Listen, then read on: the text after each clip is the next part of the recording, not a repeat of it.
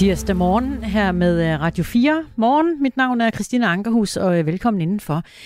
SAS er i øh, krise og skal finde sig en ny ejer. Her i øh, nat ved midnat udløb fristen for at melde sig i rækken af kommende SAS-ejere.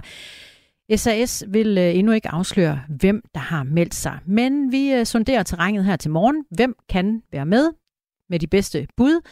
Vigtigt nok jo, for øh, pengene kan jo faktisk i sidste ende komme fra dig og mig via statskassen. Jeg øh, taler med Jakob Pedersen fra Sydbank, der vil nok er den ekspert herhjemme, der ifølge øh, SAS og øh, ejerskiftet følger, følger det øh, tættest. Det er, når øh, klokken er 6.51, at jeg øh, taler med ham. Jeg har en fornemmelse af, at der er noget med min lyd, der er anderledes, end den øh, plejer at være. Jeg prøver lige at kigge ud til vores øh, regirum, om der er noget med lyden. Jeg fornemmer, at der er noget med lyden, der lyder anderledes. Er nogen, der kan... Nej, der bliver slået ud med armene, at alting lyder, som det, øh, det skal. Så stoler jeg sådan set på det.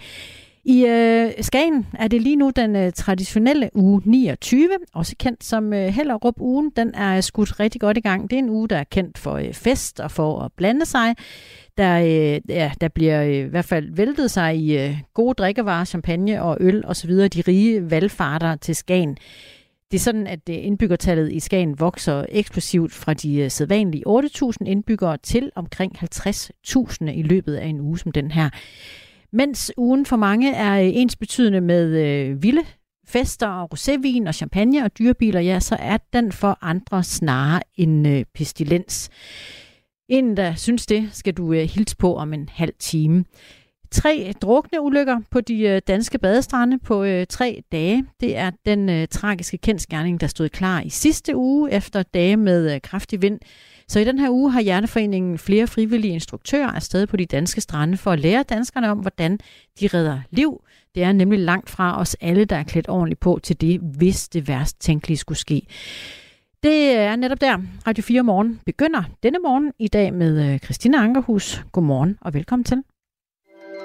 Du lytter til Radio 4 Morgen.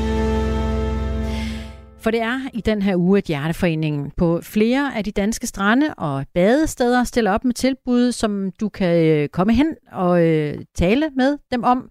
Og det kan komme os alle sammen til gavn. Ikke bare på stranden, men alle steder. Der bliver nemlig tilbudt øh, gratis kurser i genoplivning, og der kan man blandt andre møde dig, Bent Dalgaard. Velkommen til. Jo, tak. Frivillig instruktør i genoplivning fra Hjerteforeningen.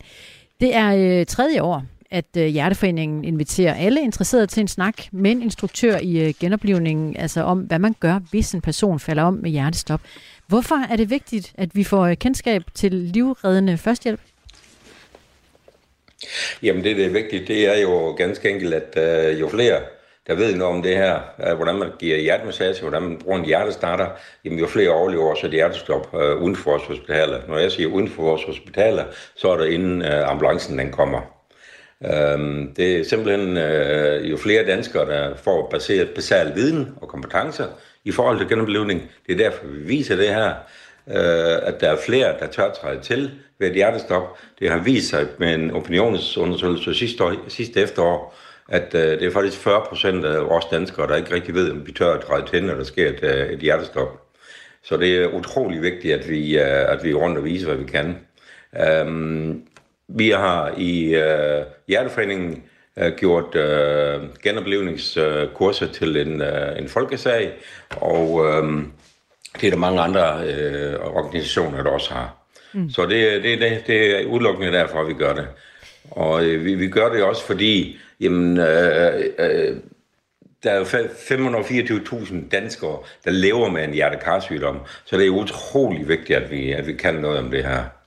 Ja, og øh, tallene taler jo også sit tydelige sprog, at øh, hvert år falder 5.000 danskere om med hjertestop uden for hospitalerne. Det svarer rent faktisk til øh, 14 personer om dagen. Hvad kan man så øh, forvente, hvis man møder jer på en, øh, en strand i den her uge? Jamen det man kan forvente, det er, at vi står selvfølgelig på en, på en, på en strand, og vi har vores øh, øh, dukker med, øh, øh øvelsesdukker, vi har en øvelses øh, hvad hedder det, hjertestarter med, og øh, vi viser, hvordan man giver hjertemassage, vi viser, hvordan man sætter øh, pads på fra hjertestarteren, øh, starteren.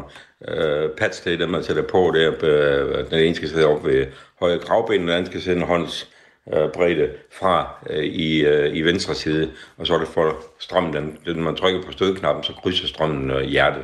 Så det er det, man lærer ved, ved, øh, ved det på stranden. Man kan også få vores almindelige kurser, man kan, de bliver også tilbudt alle dem, der vil møde på stranden, at de får et kursus, et gratis kursus.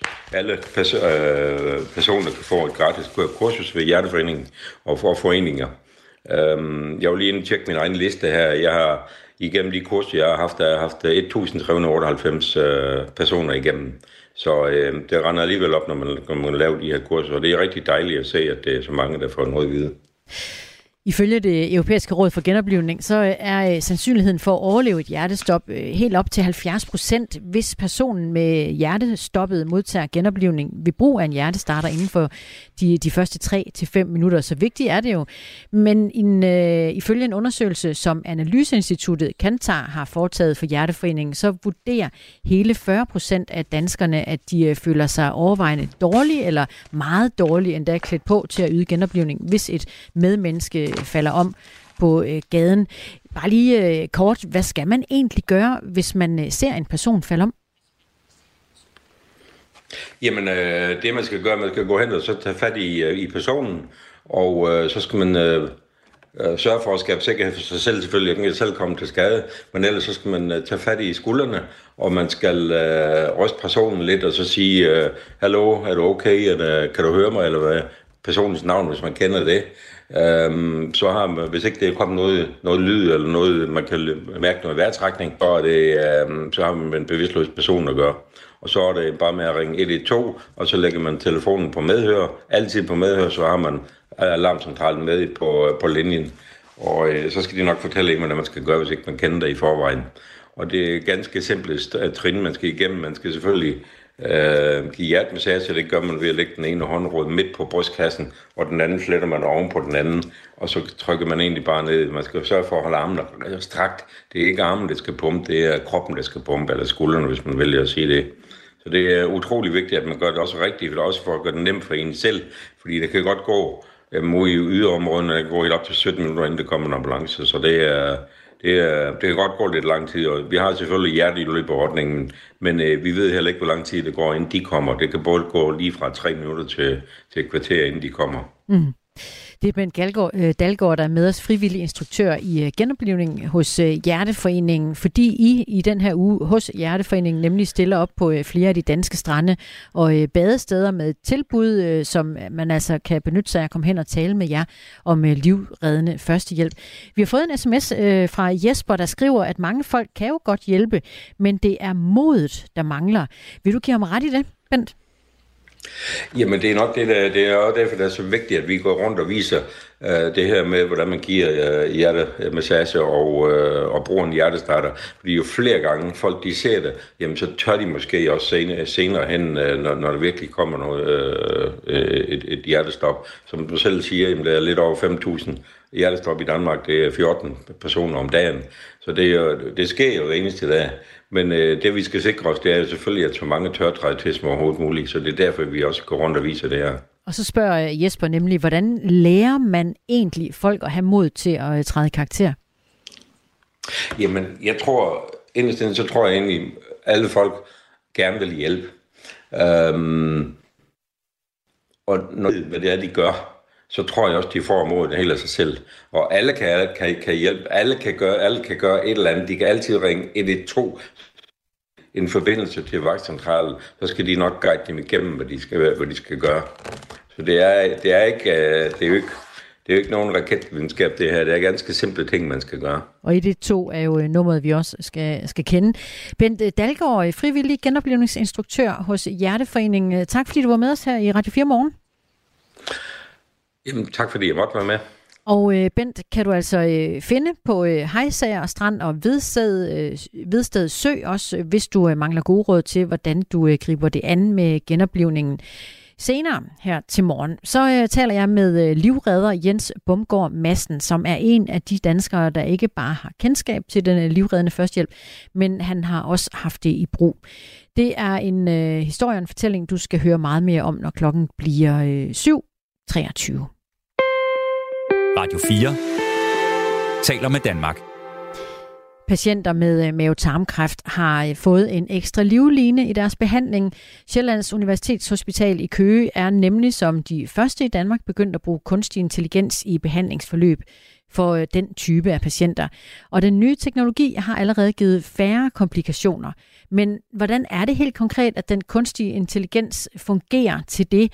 Det forklarer her leder af Center for øh, Surgical Science på øh, Sjællands Universitetshospital Ismail Gøgenur, der har haft stor glæde af at benytte den kunstige intelligens. Når vi modtager en ny patient med tarmkræft på kirurgisk afdeling, så øh, bruger vi det her nye værktøj, vi har udviklet, hvor vi øh, indtaster særlige data omkring patienten, og øh, ud fra det, de data, vi indtaster, så får vi en forudsigelse omkring, hvor høj en risiko har den her patient for at dø inden for et år, så frem til vi tilbyder den kirurgiske behandling, vi, vi egentlig har planlagt. Og ud fra den, Øh, det, det er ganske unikt. Øh, vi har ikke noget lignende værktøj, hverken nationalt eller globalt set. Så det er en, en unik ting at kunne bruge danske registerdata til at kunne blive klogere på den enkelte patient. Helt konkret betyder det så, at når vi har det her, øh, den her forudsigelse, så kan vi så skræddersy et behandlingsforløb for den her patient i henhold til patientens risiko. Hvis du kan forestille dig på den her måde, vi har 70.000 patienters forløb i den her øh, dataplatform ude på den her supercomputer i DTU i, i øh, hvad hedder det, Roskilde. Så det er 70.000 patienter med over 50-60.000 informationspunkter per patient.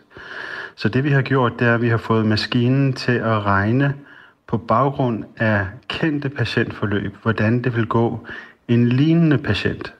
Så når vi så får en ny patient i, i klinikken, så taster vi så den information, som computeren har fortalt os er vigtig for at kunne forudse, hvordan det vil gå efter operationen. Det taster vi ind i computeren, og så får vi et specifikt tal for den her patient, og det er det, der er det unikke i den her sammenhæng. Det er altså enormt nyttig data, som den kunstige intelligens kan hive frem. Det er data, som er egentlig meget forudsigelige, kan betyde noget. Eksempelvis alder, øh, køn, hvorvidt patienten har øh, andre sygdomme. Men der er også nogle datapunkter, som man ikke normalt bruger øh, til at forudsige patienters død. For eksempel, hvordan deres øh, saltniveau er i blodet, eller hvordan deres proteinniveau er i blodet, eller antallet af hvide blodlægmer, eller den slags. Så det er sådan en sammenblanding af 30-35 data, info, altså informationer omkring patienten, som vi så putter ind i den her algoritme, og den giver sig så også et, et uh, specifikt og præcist forudsigelse for, hvad den patients uh, risiko for at dø inden for et år er. Og den risiko, den siger jo selvfølgelig ja, noget omkring, hvad risikoen for død er, men det siger i særdeleshed også noget om, hvor høj en risiko patienten har for at få komplikationer.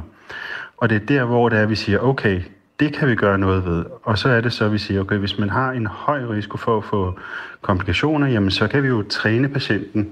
Vi kan give patienten proteinrig føde, vi kan, vi kan hjælpe patienten med at trække vejret godt i relation til behandlingsforløbet og en masse andre ting. Og det er jo så det, som vi så bruger til at løfte behandlingen, så patientens risiko for at få komplikationer bliver mindre. Ismail Gøgenur slår fast, at det er ikke kunstig intelligens, der træffer en beslutning for lægen. Det vil altid være lægen i samarbejde med patienten. Den kunstige intelligens er bare en hjælpende hånd. Jeg tror, folk skal være opmærksomme på, at det er altså kontakten mellem lægen og patienten, at beslutninger bliver taget.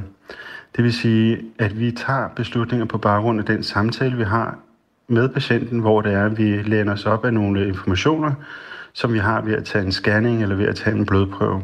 Den kunstige intelligens, den hjælper mig med at være mere præcis, men det er stadigvæk mig og mine kollegaer, der tager beslutningen. Så der kommer ikke til at være noget, der hedder 100% sikker kunstig intelligens. Det kan vi skyde en hvid pil efter. Der kommer noget, der hedder gode modeller, som tager fejl i færre tilfælde, men husk nu på, det er stadigvæk kirurgen, der tager beslutningen, eller lægen, der tager beslutningen sammen med patienten. Og den kunstige intelligens kan øh, nemt overføres til andre kræftområder. Selve den infrastruktur og selve det datagrundlag, der er, er fuldstændig overførbart til andre kræftområder.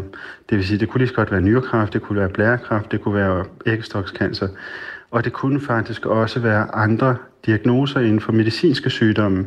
Så det væsentlige i det her, det er, at vi har en guldgruppe i de danske registre, hvor der ligger en helt fantastisk mængde data, som vi så kan bruge til at træne vores algoritmer, altså træne kunstig intelligens til at give os data. Vores rolle som læger er så at identificere de områder, hvorpå vi kan få hjælp, og så regelret kan, kan skabe bedre patientforløb. Der er øh, generelt sket store fremskridt, når det kommer til kræftbehandlingen. Langt flere overlever på grund af ny medicin og bedre behandlinger, det skriver Berlinske i dag. En tredjedel oplever dog øh, stadig store problemer, og 5% dør inden for det første år efter operationen. Leder af Center for Surgical Science på Sjællands Universitetshospital Ismail Gøgenur har stor tiltro til, at kunstig intelligens kommer til at spille en større rolle, endda en stor rolle, i at reducere risikoen for komplikationerne for meget. Jeg har en stærk formodning om, at vi kan reducere risikoen for at få komplikationer meget betydeligt. Øhm, jeg vil gerne sige halvere. Jeg vil gerne vise det, før jeg, jeg er så skråsikker og siger, at jeg kan halvere det. Jeg vil sige, med de de data, vi har, øh, mig og mine kollegaer har behandlet de her 70-80 patienter siden 1. februar, der er vi alle sammen meget glade for den retning, vi ser. Det vil sige, at vi har halveret indlæggelsesvarigheden. Vi har ikke nogen af vores meget skrøbelige patienter, der har oplevet alvorlige komplikationer. Og vi har også reduceret genindlæggelserne. Så vi kommer selvfølgelig til at skrive en masse omkring det her og lave videnskabelige undersøgelser for at få en mere statistisk sikkerhed på det her. Men jeg er meget optimistisk på baggrund af de første data, vi har fået. Og så lyder det fra lederen af Center for Surgical Science på Sjællands Universitetshospital, Ismail Gøgenur. Hvis jeg siger venstre, hvad siger du så? Krise. Thomas Larsen, hvad siger du? Sygemeldt. Selvom Folketinget er gået på sommerferie, er vi på Radio 4 klar til at tage temperaturen på, hvordan det egentlig står til i de 12 folketingspartier. Parti for parti over hele sommeren. Interne krige, sygemeldinger, falske underskrifter og formandsopgør. Jeg er slet ikke i tvivl om, der er blevet gjort meget alvorlig skade på partiet. Og hvilken vej skal partierne, når et nyt folketingsår kalder? Hele det her dramatiske formandsopgør, det gik jo faktisk så helt utroligt hurtigt. Lyt med i din sommerferie, når mandat tjekker partierne. Find det i Radio 4's app, eller der, hvor du lytter til podcast. Det danske luftfartsselskab SAS skal have nye ejere, eller i hvert fald en ny ejerkonstruktion. Det er øh, fordi SAS er kriseramt og nu er under konkursbeskyttelse. Det betyder, at de har mulighed for at rekonstruere sig i et forsøg på at undgå konkursen. Og derfor har øh, SAS i maj fået lov til at søge nye investorer. Og den øh, deadline udløb her til øh, midnat i nat, altså deadline for at kommende ejer kunne øh, byde ind. Så nu skal øh, SAS i gang med at kigge på tilbudene og begynde at forhandle, inden de så øh, finder ud af, hvem der får det endelige bud. Det skal være på plads den 18. september. Lige nu vil øh, SAS selv ikke sige så meget som en pip om, hvem det er, der har øh, lagt bud ind. Men øh, vigtigt nok kan det jo være at prøve at, øh, at kigge lidt på, hvem det kunne være og kredse det lidt ind. Og med til at, øh, at gøre det her til morgen er du, Jakob Pedersen, øh, aktieanalysechef ved Sydbank. Godmorgen. Lige øh, allerførst, øh, hvorfor er det overhovedet interessant for os danskere, altså skatteborgere, at interessere os for, hvem der ejer SAS? Først og fremmest fordi vi faktisk alle sammen selv gør det. Den danske stat sidder jo med omkring 22 procent af, af aktierne og vil faktisk gerne øge den ejerandel op til omkring 30 procent. Så vi er alle sammen i en eller anden forstand lidt medejere af SAS. Hvem er det så, tror du, der har budt ind og måske i sidste ende går hen og bliver med i den nye ejerkreds? Ja, vi ved jo, at den danske stat gerne vil være med, og det fremgår også meget tydeligt af de dokumenter, som er dukket op omkring hele den her proces med, at man skal ud og finde ny kapital og altså have nye ejere. Øh, jeg synes også, at det ser meget, meget realistisk ud, at det bliver Apollo, som bliver den anden store aktionær i, øh, i SAS. Apollo er den, den amerikanske fond, som hjælper SAS igennem konkursbeskyttelsen, den her Chapter 11 konkursbeskyttelse, øh, via nogle meget, meget store lån. Øh, så Apollo har også været inde og kigge nærmere på, øh, på hele SAS' forretning og ligner et selskab, som, eller ligner en fond, som har lyst til og også være store aktionærer i SAS, i hvert fald i en periode. Men, men, men de to aktører kan altså ikke alene komme med alle pengene. Den danske stat får, tror jeg, ikke lov til at gå ud over 30 procent. Det lyder heller ikke som om, at den danske stat har lyst til det. Der er også noget, noget, noget, nogle statsstøtteregler der, der skal være opfyldt. Og så er der Apollo, som er en amerikansk fond, og de må simpelthen på grund af de EU-regler, der er, ikke gå over 49,9 procent. Så, så, så der er stadigvæk formentlig 20-30 øh, procents øh, ejerandel, som skal fordeles blandt andre. Hvem, øh, hvem er de øh, amerikanske Apollo? Hvorfor kunne vi være interesseret i som danskere, at de øh, er en del af SAS? Jeg tror først og fremmest, så er, vi, så er vi interesseret i dem, fordi det er dem, der har været med til at redde SAS. Øh, SAS stod for et, øh, et lille år, eller et års tid siden og, og manglede i den grad penge og gik søgte ind i den her øh, konkursbeskyttelse, men havde også brug for, øh, for, for, lå, for lån, simpelthen for at komme igennem øh, konkursbeskyttelsen og den periode, der så er gået her hen over det seneste år. Og, og der var nogle forskellige aktører, som, øh, som kiggede på SAS og sagde, vil vi være med, og på hvilke betingelser vil vi være med. Og der var Apollo den stærkeste. Apollo er kendt som, altså det er jo en, en gigantisk amerikansk fond, som har et lille hjørne, der, øh, der, der bruger kræfter på at, at hjælpe nødlidende selskaber tilbage på, på sporet.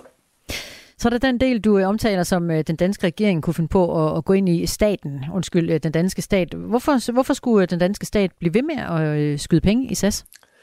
Ja, først og fremmest så ved vi, at politikerne, politikerne de vil gerne redde SAS. De stod nærmest på hælen af hinanden øh, for at få lov til at fortælle om, at, at nu var der flere penge klar til, til SAS, dengang SAS havde behovet. Øh, og det er egentlig det, som, som man nu skal, skal eksekvere på. Og det handler jo i høj grad om at sikre en høj tilgængelighed øh, ind og ud af, af København. Så, så, så, så, så hvis det er sådan, at den danske stat får lov til at øge ejerandelen op til de her omkring 30 procent, ja, så vil der blive en endnu tættere relation mellem Københavns Lufthavn, som staten jo allerede ejer omkring 40 procent af, øh, og som jo er brohovedet ind og ud af, af, af Danmark, øh, og, så, og så SAS. Det er måske øh, lidt et svar til Vicky, du også giver der, men du får lige spørgsmålet, som hun er kommet med på sms'en. Jeg tror simpelthen ikke, jeg forstår, skriver Vicky, hvorfor det er så vigtigt at redde SAS. Der er jo så mange andre flyselskaber. Ja, det er jo egentlig et spørgsmål, hun skal sende videre til politikerne. Men, men jeg, kan godt, jeg kan godt komme med, med, med nogle bud på, hvorfor. Jeg tror, det aller, aller vigtigste, det handler om tilgængelighed.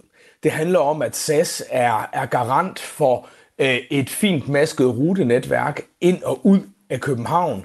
Et rutenetværk, som vi ikke får helt i samme grad, hvis SAS forsvinder. Så vil SAS' ruter blive overtaget. Jeg tror, jeg tror formentlig 8 ud af 10 SAS-ruter vil ret hurtigt blive overtaget af andre aktører. Men, men, øh, men, men vi vil ikke få det hele erstattet.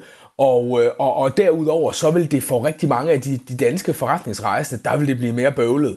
Øh, de er vant til at have et sted, hvor de shopper flybilletter, og med SAS kan de komme stort set derhen i verden, hvor de gerne vil, fordi SAS er med i en meget stor flyalliance, øh, øh som, som, øh, hvor det er sådan, at SAS i kraft af alle de andre partnere i alliancen, kan sende folk stort set øh, alle steder hen i verden. Så det vil blive langt, langt mere besværligt for dansk erhvervsliv at komme ud i verden uden SAS. Det er Jakob Pedersen, der er med os, aktieanalysechef ved øh, Sydbank, fordi der her ved øh, midnatstid udrendt en øh, deadline for at komme ind og byde sig til som nye ejer eller en del af ejerkredsen omkring SAS. I øjeblikket, der vil SAS selv ikke sige noget som helst om, hvem der har budt ind. Hvorfor egentlig ikke det? Det handler om fortrolighed i den her proces. Det handler om, at, at, at nu skal man sammen med de aktører, der har budt ind, der skal man finde ud af, hvad er den bedste løsning for, øh, for selskabet. Og det vil jo blive gjort øh, med, med den danske stat, øh, og, og, og også, øh, kan du sige, SAS som, som, som omdrejningspunkt. Øh, og det er, det er, vil jeg sige, det er også normalt i den her type processer, at, øh, at, at man holder kortene meget tæt til kroppen i forhold til, hvem er det, der har, øh, der har tilkendegivet, at man er interesseret. Men vi skal jo også huske, at, at det, det, øh, det felt af interesserede, der er nu, at det, det, øh, det svarer jo lidt til, at en, en, en fodboldlandstræner, han udtager en, en trup, som skal med til et, til et VM eller et EM, og så, og, og, og så må vi jo så se, hvem det er, der ender med at komme på banen, når det er sådan, at kampene skal spilles. Fordi det er jo, det er jo formentlig ikke alle dem, der er interesseret, som er villige til at være med på nogle vilkår, som er interessante. Øh, og, og, og, og, og der, derfor så vælger der altså en udskillelsesproces nu. Men døren er lukket. Der kan ikke komme, komme nye aktører nu og sige, vi vil egentlig også gerne være med i det her game. Jakob, det er noget, der interesserer lytterne, for det handler jo om vores øh, allesammens penge, nemlig når staten går ind og skyder penge i SAS. Så øh, lige det sidste minut, inden vi skal have nyheder, så øh, siger René fra Mors, at, øh, at hvorfor er det, at den danske stat skal blive med at smide penge i et selskab, som kun bevæger sig mod falit, kun de stærke overlever. Har SAS mulighed for at overleve, hvis de får den økonomiske indsprøjtning nu, øh, som de øh, har brug for? Man har i hvert fald mulighed for at overleve en periode, men, men, men virkeligheden som sådan et mellemstort skandinavisk netværksselskab, som SAS er, er, er ikke let i luftfartsindustrien. Jeg vil så til gengæld sige, at den plan, der er lagt, og de besparelser, som man gennemfører, de forandringer, man gennemfører i øjeblikket i SAS, er langt mere gennemgribende end noget, jeg har set i de 20 år, hvor jeg har dækket SAS. Og det er dog med til at give et håb om, at SAS ikke bliver et selskab, som vi vedvarende skal poste penge i. Siger Jakob Pedersen, aktieanalysechef ved Sydbank, og, og tak for snakken. Velbekomme. Vicky øh, skriver så også her, at øh, det er altså øh, meget spil af penge, som kan bruges på meget andet, som vores velfærdssamfund eksempelvis. Det var øh, lytter, spørgsmål og hilsner og kommentarer, som er kommet på nummeret 1424, et sms-nummer, som du også kan benytte dig af, når du øh, lytter noget, du får lyst til at ytre dig med om, altså 1424. Det er Radio 4 morgen, nu her med øh, nyheder fra studiet. Klokken er syv. Du har lyttet til en podcast fra Radio 4. Find flere episoder i vores app, eller der, hvor du lytter til podcast. Radio 4 taler med Danmark.